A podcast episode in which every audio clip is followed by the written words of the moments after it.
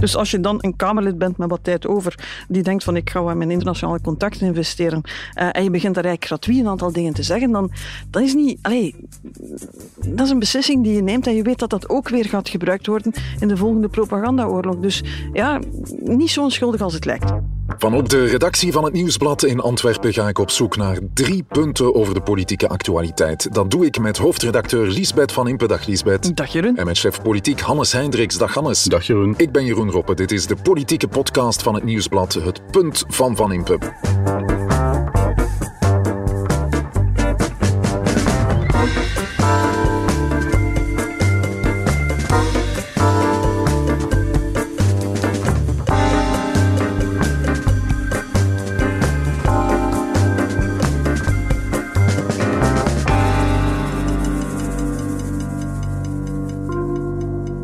Nog uh, niet al te veel lekkers gezien hier op de redactie eigenlijk. Dus heb ik zelf maar een fles uh, meegebracht. Zag, zag, zag, zag, Want het is uh, hier duidelijk hier, nog wachten op de Sint. We proberen hier inderdaad niet allemaal de hele dag aan de drank te zitten. De drank moet je zelf meebrengen voor de podcast. Maar het is duidelijk dat de Sint hier nog niet langs geweest is. het is nog wachten op de Sint bij het Nieuwsblad of op Queen Nicola. Wie zal het zeggen? Wie zit hier op de redactie, Lisbeth, die langskomt? Uh, niemand. ik geloof dat iedereen zo'n speculaas krijgt. maar ze zijn toch allebei welkom, neem ik aan. Ze zijn allebei welkom, maar we gaan dus uh, een Sinterklaas wel. Het is het seizoen ervoor. Ja, daar hebben we het over. Straks een punt over de Sint, maar ik wil natuurlijk ook een punt over uh, ons land en de oorlog tussen Israël en Hamas, want dat is op uh, dit moment wat ons het meest bezighoudt natuurlijk. En één punt ook over de verkiezingsoverwinning van Geert Wilders in Nederland. Voor een uh, Nederlandse wijn zijn we duidelijk nog niet klaar, maar ik heb wel een oranje wijn meegebracht om in de sfeer te komen. Zoals gewoonlijk een Belgische wijn van Dalaim Castellum. Dat klinkt beter dan Chateau Château d'Alem, want de wijn komt van het kasteeldomein d'Alem in Aubel in de provincie Luik. We zitten in het land van Herve op een nieuw punt van Van Impe School. Our prime minister is in your country to say how uh, you have to uh, yeah, behave better or how you're committing war crimes. But our prime minister is doing nothing when we talk about the anti-Semitic uh, Jew hate we see every single day on the, Brus- the streets of Brussels, on the street of Belgium. Uh, nobody gets arrested. Um, nobody is. Uh, no, the police is not doing anything, and that's uh, that's something that uh, is very uh, fun to criticism in in Belgian society. And the prime minister is really eager to have a lot of Arab um, uh, votes in Belgium. So uh, they're really uh, pro Palestine and 100% anti Israel. And when the prime minister now is trying to engage for an international career to go to your country to give your lessons uh, how you have to behave and what you have to do. Uh, for me, it's like uh, the the drop in the hammer who's totally full.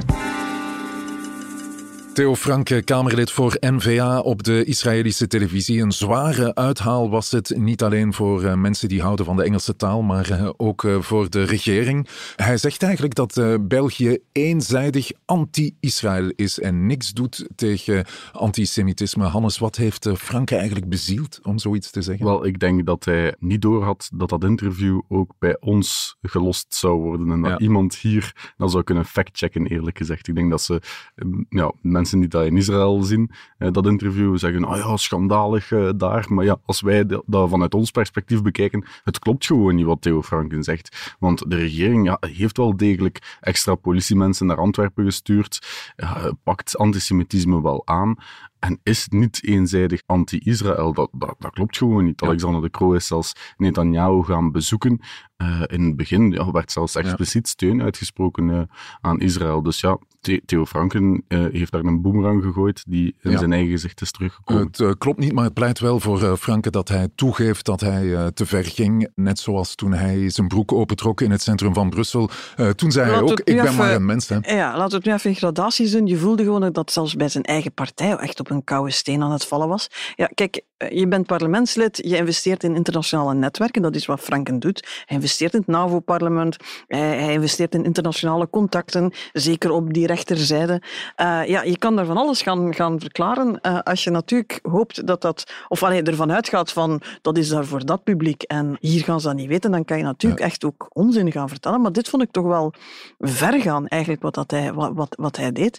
Vooral omdat we in Europa, in de VS, in België aan het zoeken zijn naar hoe ga je juist om met dat conflict. Ik bedoel, iedereen is er toch van overtuigd dat de woorden hier betekenis hebben, ja. dat de positie die je inneemt, dat is niet gratuit. Ik bedoel, hoe je afstand neemt van Hamas, maar toch naar burgerslachtoffers in Gaza kan kijken. Hoe je solidair kan zijn met, met een Israël dat door terroristen aangevallen wordt, maar dat in de wraak die vervolgens genomen wordt, in het terugslaan en de retaliatie tegenover Hamas, te ver dreigt te gaan. Hoe je daar omgaat met uh, internationaal recht, oorlogsrecht, ja. mensenrechten ieder woord leest daar heel nauw, om dan zo'n beetje gratuit op een obscure Israëlische zender te gaan zeggen van, allee jongens, uh, hier ja. uh, tiert het antisemitisme welig en, en doet niemand iets.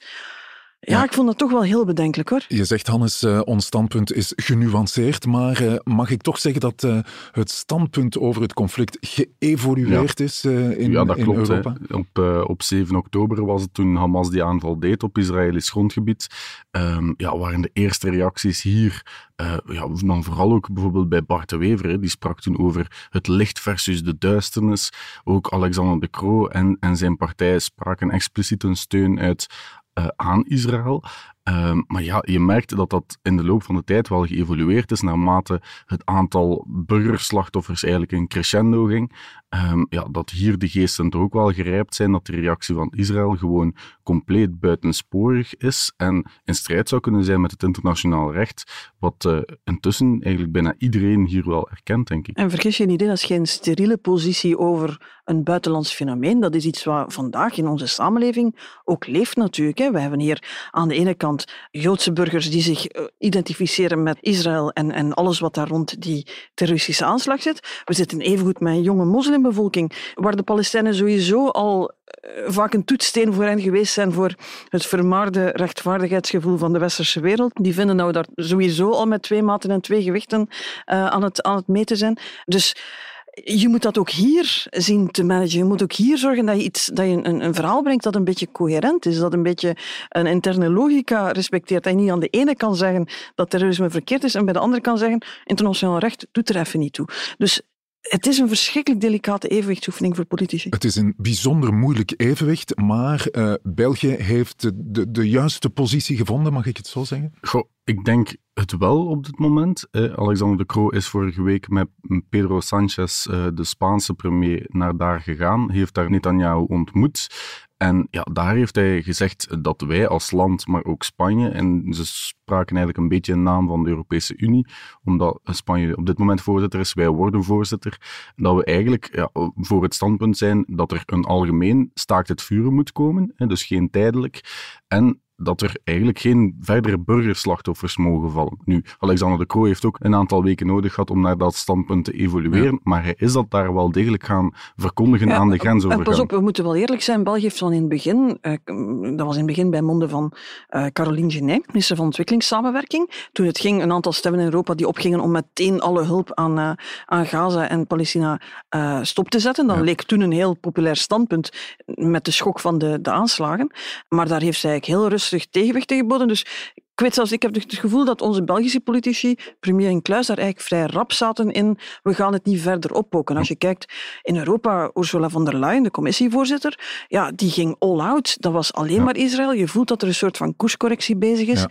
En het is opmerkelijk dat de uitspraken van Alexander de Croo, de Israëliërs waren kwaad, ja. maar in Europa hebben we geen tegengeluiden genoemd. Hè. Ook, in, ook in de VS hebben we niks gehoord hè, van wat zijn jullie daar nu aan het doen. Dus dan voel je dat is toch wel aan het, ja, aan ja. het evolueren. Hij wist natuurlijk als hij die, die woorden daar ging uitspreken, namelijk nul burgerslachtoffers en permanent staakt het vuren, zeker daar op die gevoelige plaats, die grensovergang in, in Rafah, waar dat de uh, gijzelaars dan ook worden vrijgelaten, ja, dat dat iets teweeg ging brengen natuurlijk. Zowel bij ons in de publieke opinie, maar vooral in, in Israël Als je dan de reacties leest van uh, Netanyahu zelf en, en, zijn ministers, ja, dat is er toch ook wel niet naast natuurlijk. Uh, die, die waren dan direct aan het tweeten van dat de ambassadeurs zich aan een bolwassing konden verwachten en dat, dat die langs moesten komen.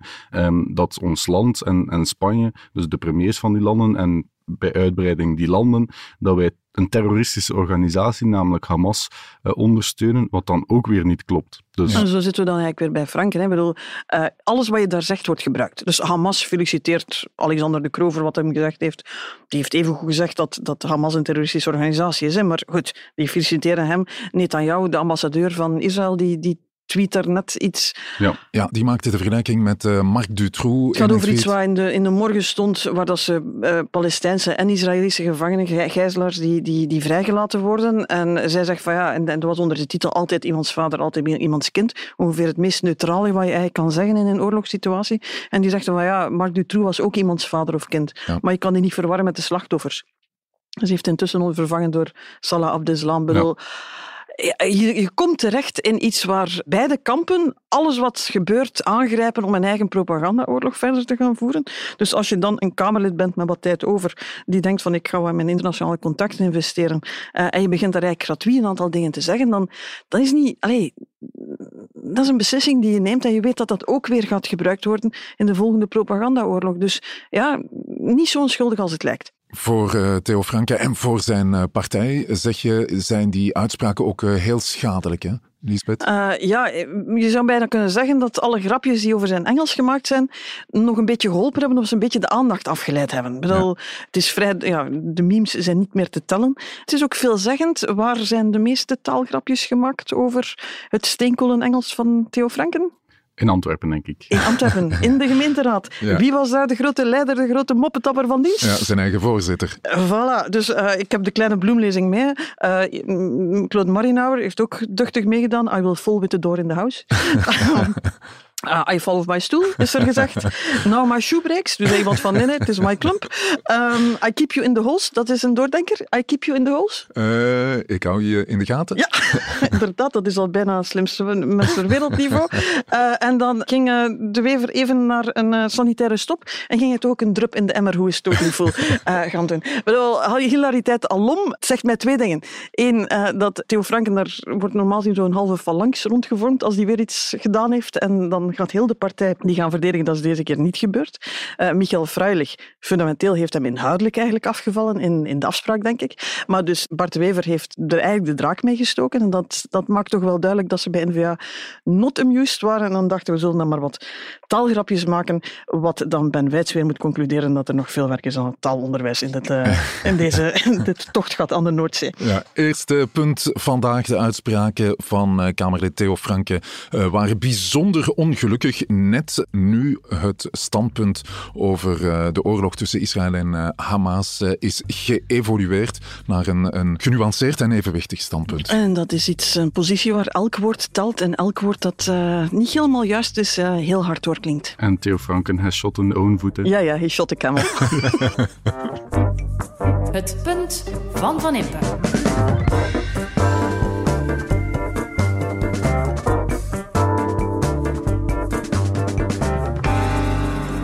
Hoeft geen uh, groot Nederland-kenner te zijn om te beseffen, je hebt Pim Fortuyn gehad die strenger was op, op migratie.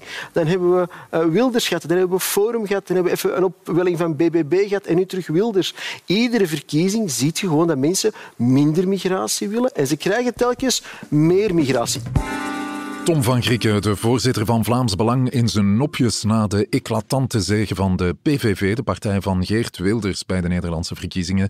Een verrassende zege die duidelijk maakt dat uh, in de laatste rechte lijn naar de verkiezingen nog veel mogelijk is hè, in zo'n uh, campagne. Ja, inderdaad. Ook de pijlers hadden het niet zien aankomen. Hè. Het is eigenlijk pas uh, in de, de week voor de effectieve stembusgang um, dat er een peiling is gekomen waaruit bleek dat, dat PVV van Geert Wilders dat die een forse sprong maakten. Uh, dus blijkbaar is er daar iets gebeurd in de campagne.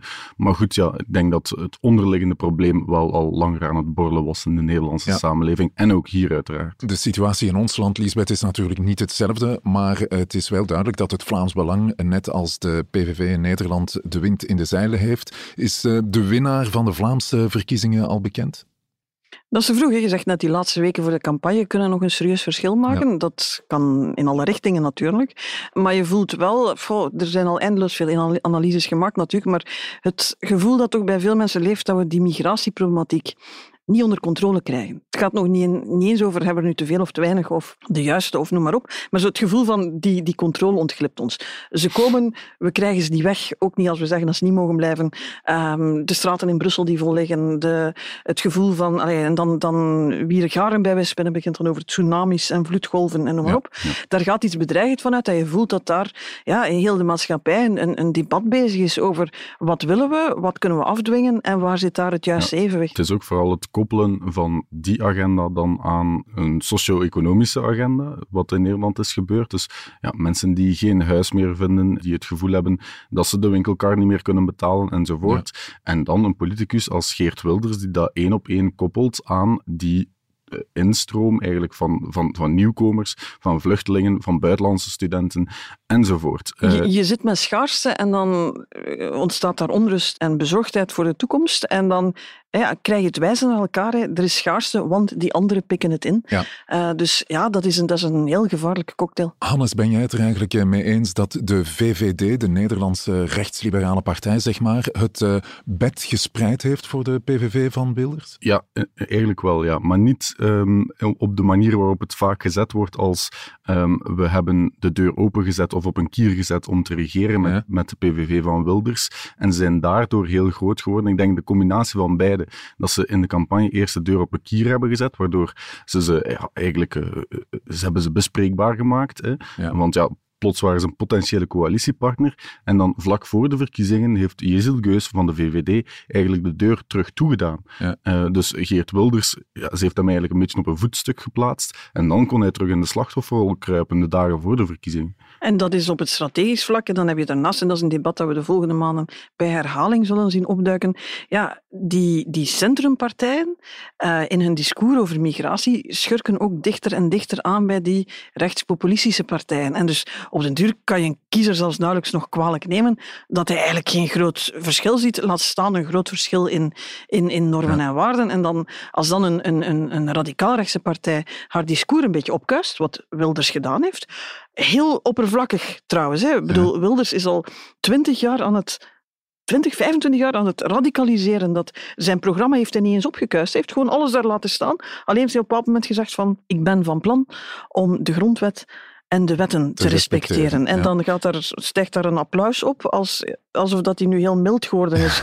ik, ik snap het soms ook niet hoor, dat je denkt van hoe laag gaan we de lat nu eigenlijk nog leggen? Maar een, een redenering die, eh, die je wel vaak eh, leest en hoort, is dat uh, wanneer radicaal rechtse partijen aan de macht komen, ze de scherpe kantjes van hun programma er wel van, van afslijpen. Ik, ik, vind dat dus, dus laat ze maar regeren. Ik vind dat persoonlijk ook een moeilijke. Hè. Markel Gardus zat denk ik vorige week dan in afspraak ook te verkondigen van ja, PVV is eigenlijk een centrumpartij geworden, uh, net omdat ja, Geert Milders en hij, ja. hij ja, zijn anti-islam standpunten wil hij niet doorvoeren. Maar bon, ze staan wel nog in zijn programma en het is wel de basis waarop die partij gebouwd is. Dat is een, ja, een basis van discriminatie, een wij versus zij verhaal, waar op, ja, hij zegt het zelf nog, nog steeds, hè, de Nederlander op één, dat wil zeggen iemand anders op twee blijkbaar, of op drie oh. of vier, vijf. Ik denk dat er twee dingen zijn waar je voor moet hoeden. Ik denk dat je moet opletten dat je zo niet hysterisch begint te hyperventileren, wat soms wel eens gebeurt als radicaal rechts heel goed scoort. En dat er dan uh, zo met het vingertje van foute kiezer... Ja. Uh, laten we zeggen, we hebben intussen een paar decennia ervaring met het feit dat dat dus geen knijt uithaalt, dat dat niet werkt. En dat je dan een soort van hyperbolendiscours krijgt dat zichzelf ook ondermijnt. Want als dan de dag dat die aan de macht komen de apocalyps niet aanbreekt, ja, dan kan iedereen nog achteroverleunen en zeggen van zie je wel, het is toch zo erg niet. Zo erg. Ja. Dus hyperventileren moet je niet doen, maar je moet wel waakzaam zijn. En er zijn een aantal Oost-Europese uh, politologen en waarnemers die zeggen van jongens, als een partij aan de macht komt die van plan is om de aanval te openen op dingen waar niemand heel hard van wakker ligt, maar onafhankelijke rechters, onafhankelijke journalistiek, onafhankelijke media, de rechtsstaat, al die dingen die een beetje killig, een beetje koud, een beetje intellectueel klinken, als een politicus daar de aanval wil op openen, dan gaat het ook veel sneller dan dat je gedacht hebt. Ik denk als je dat vandaag aan de Polen gaat gaan vragen, Ja. Die ongeveer op de laatste verkiezing dat het nog kon, de klok wel teruggedraaid hebben. En gezegd van nee, we komen in. Maar dat heeft een mobilisatie van heel die samenleving gevraagd. Hè. Dus je moet niet hyperventileren, maar je moet wel bijzonder waakzaam blijven, want er kunnen dingen die fundamenteel zijn voor ons uh, democratisch rechtsbestel uh, heel snel op de schop gaan. Hannes, de meeste partijen in ons land uh, weigeren een samenwerking met Vlaams Belang en respecteren dus het zogenaamde cordon sanitaire, een afspraak om nooit in zee te gaan met het Vlaams Belang. Um, houdt die afspraak nog stand eigenlijk? Wel ja, je merkt toch dat er uh, ja, een aantal partijen dat cordon sanitair aan zich wel in, in, in, vraag stellen. Dat ze gewoon zeggen, wij willen niet besturen met Vlaams Belang. Maar bij NVA ja, ligt dat toch wel wat moeilijker. Zij is de meest rechtse partij na, na het Vlaams Belang eigenlijk. Ja, en als je dan verschillende interviews beluistert, bijvoorbeeld van Zoral Dimir, die zegt heel duidelijk, ja, op dit moment kunnen we niet besturen met het Vlaams Belang. Um, als je dan Jan Bon hoort, die gaat eigenlijk nog een stapje verder. Ja, die ziet blijkbaar een evolutie bij het Vlaams Belang die in de goede richting gaat. Dat is een aantal kopstukken van, naar de uitgang begeleiden Als Van Doesburg, Antwerps kopstuk, zegt van het hangt van de inhoud af. Ja, het hangt altijd van de inhoud af. De, de andere partijen zeggen alleen van ja, we kunnen nooit tot een inhoud komen met, met Vlaams Belang, met hun programma. Dus je voelt daar zit een vloer artistiek op. Hè, en dat, dat zal waarschijnlijk blijven duren tot aan de verkiezingen. De NVA's krijgen het intussen trouwens ook heel hard op hun heupen van het feit dat ze altijd maar weer de vraag krijgen. Nu, ik kan hen maar één tip geven om de vraag minder te krijgen. Dat is met een beetje consistentie altijd hetzelfde antwoord geven. Want nu, iedere keer als we de vraag stellen, krijgen wij een variatie op. Nu nog niet, maar misschien. En het is daar een beetje aan het evolueren. Maar en als ik het goed genoeg. begrijp, is dat uh, strategisch niet de meest verstandige positie. Want als je de deur op een kier zet, zoals ja. minister-president eh, Jan Bon doet, dan verlies je de verkiezingen. Wel ja, eigenlijk worstelt de NVA op dezelfde manier met Vlaams Belang als VVD in Nederland met PVV worstelt. Dus ze willen de kiezer niet voor het hoofd uh, stoten. Maar ja, tegelijkertijd willen ze ook niet zeggen dat ze um, pro-samenwerking met die partij zijn. Maar ja, zo komen ze eigenlijk in een catch-22 terecht. Hè. Als het uh, over radicaal rechts gaat, wees dan niet hysterisch, maar wel waakzaam, heb ik hier uh, gehoord. En uh, neem zeker een duidelijk standpunt in over al dan niet samenwerken met het Vlaams Belang. Ik denk dat de kiezer daar toch een zekere duidelijkheid vraagt en dat die onduidelijkheid eigenlijk ja, ten koste gaat van partijen die een vloer artistiek laten bestaan. pas op, hè, na verkiezingen wordt er geteld, geldt de wiskunde. Als er dan, dan kunnen er altijd weer dingen veranderen, maar als partij kan je maar beter met een helder positionering naar uh, de kiezer gaan. Het punt van Van Impe.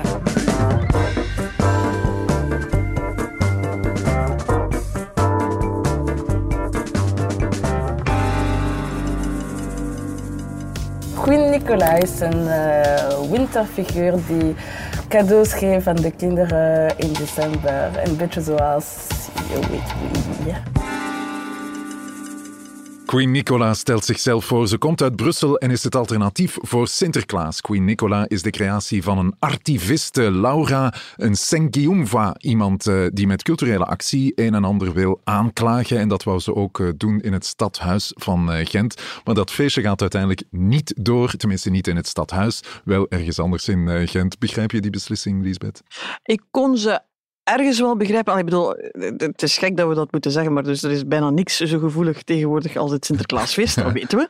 Dat is het feest waar al de meest hoogoplopende discussies over uh, gevoerd zijn. Uh, en je voelde wel van, ja, in het stadhuis de suggestie dat het wat niet klopte. Maar dat dus uh, de, de klassieke Sint niet kwam, maar dat het dus Queen Nicola zou zijn dat was niet helemaal juist, maar je kon wel begrijpen dat mensen die het op de site van de stad Gent zagen staan, ja. die indruk konden ja. hebben. Het was op 6 december. Het gaf het allemaal iets uh, officieels, uh, Hannes, en daar uh, heb jij het duidelijk moeilijk mee. Hè? Wel, ik heb het niet zozeer moeilijk met Queen Nicola um, aan zich en het feit dat ze um, ja, ergens een show komt doen. Integendeel, ja. zelfs uh, toeval toe te juichen. Maar ik had vooral een probleem met het begeleidend tekstje op uh, de site van de stad Gent, waarin werd opgeroepen om oude Sinterklaasboeken in te leveren, waarbij dat je dan een nieuw inclusiever exemplaar in de ja, plaats Dat maakte deel uit van ja, de act. Op, ik heb dat gezien, de boeken die ze dan gingen teruggeven waren eigenlijk dingen die intussen ook ongeveer tot de kanon van de kinder- en jeugdliteratuur ja. behoren. Dus het was niet één boek, maar alleen maar een of andere transgender Sinterklaas die ik weet niet wat uh, van baard heeft. Um, dus uh, ik denk gewoon dat de, de, de, de, de twee een beetje te veel in elkaars vaarwater zijn gekomen en Waar ik wel in geloof, is dat als je een Sinterklaasfeest wil laten evolueren, en het evolueert al heel ons leven, het was anders toen ik klein was, en dat is nog niet eens zo waanzinnig lang geleden, dan dat het vandaag is. Uh, wij werden iets banger gemaakt voor uh, Zwarte Piet en uh, de mogelijkheid om straf te... de roe, lijfstraffen, daar werd nog mee gedreigd, zonder enige tegenspraak. En dat is dus in de jaren tachtig. Dus dat evolueert. Je voelt alleen hoe natuurlijker dat kan evolu evolueren, hoe beter. Okay, je hebt dan altijd activisten die dat moeten oprekken aan de randjes. Dat heeft zijn nut. Dat heeft, ik begrijp zelfs dat dat iemand is die ja, een, een heel goede show doet en ja, ja, ja, met, een, met een goede agenda.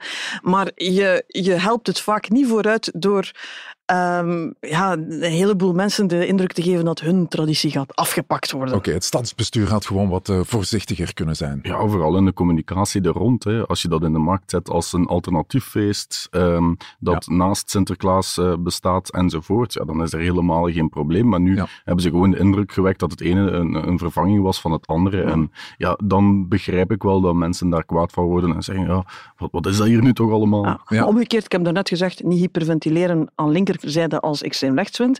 Hier ook aan, aan de meer rechterkant van het ja, spectrum. Want er zijn er die je moet niet gaan hyperventileren vanaf dat er... van onze cultuur. Ja. ja, en dat hebben we meteen ook gezien. Herinner je, een paar maanden geleden was N-VA degene die zich heel hard op dat woke-thema positioneerde. Ook nu hebben ze mee de, het vuur aan de lont gestoken. Maar ja, ze worden Allee, ze zijn zo'n driewieler op de autosnelweg die dan als een raket voorbijgestoken worden door, door Vlaams Belang, die meteen begint te zeggen, maar dat wordt hier ook gesteund door de, door de Vlaamse overheid. Jan Jan Bon, jij zit ook tegen voor de vernietiging van Sinterklaas. Bedoel, ja. Je kan niet winnen en ik denk dat dat toch intussen ook een beetje de les is met te praten en het van het stadhuis te verzetten naar de zaal vooruit, waar dus eigenlijk in essentie niks veranderd is, uh, is, is de angel er eigenlijk al uitgehaald. Af en toe heb je ook pragmatische oplossingen nodig. Ja, uh, laat tradities maar uh, evolueren, maar forceer het niet. Is dat een goed punt, Hannes? ja, dat denk ik wel. Ik denk dat je het perfect samenvat, Jeroen. Okay. Je kunt altijd proberen te forceren, maar meestal werkt dat niet vrij goed. Het punt van Van Impe.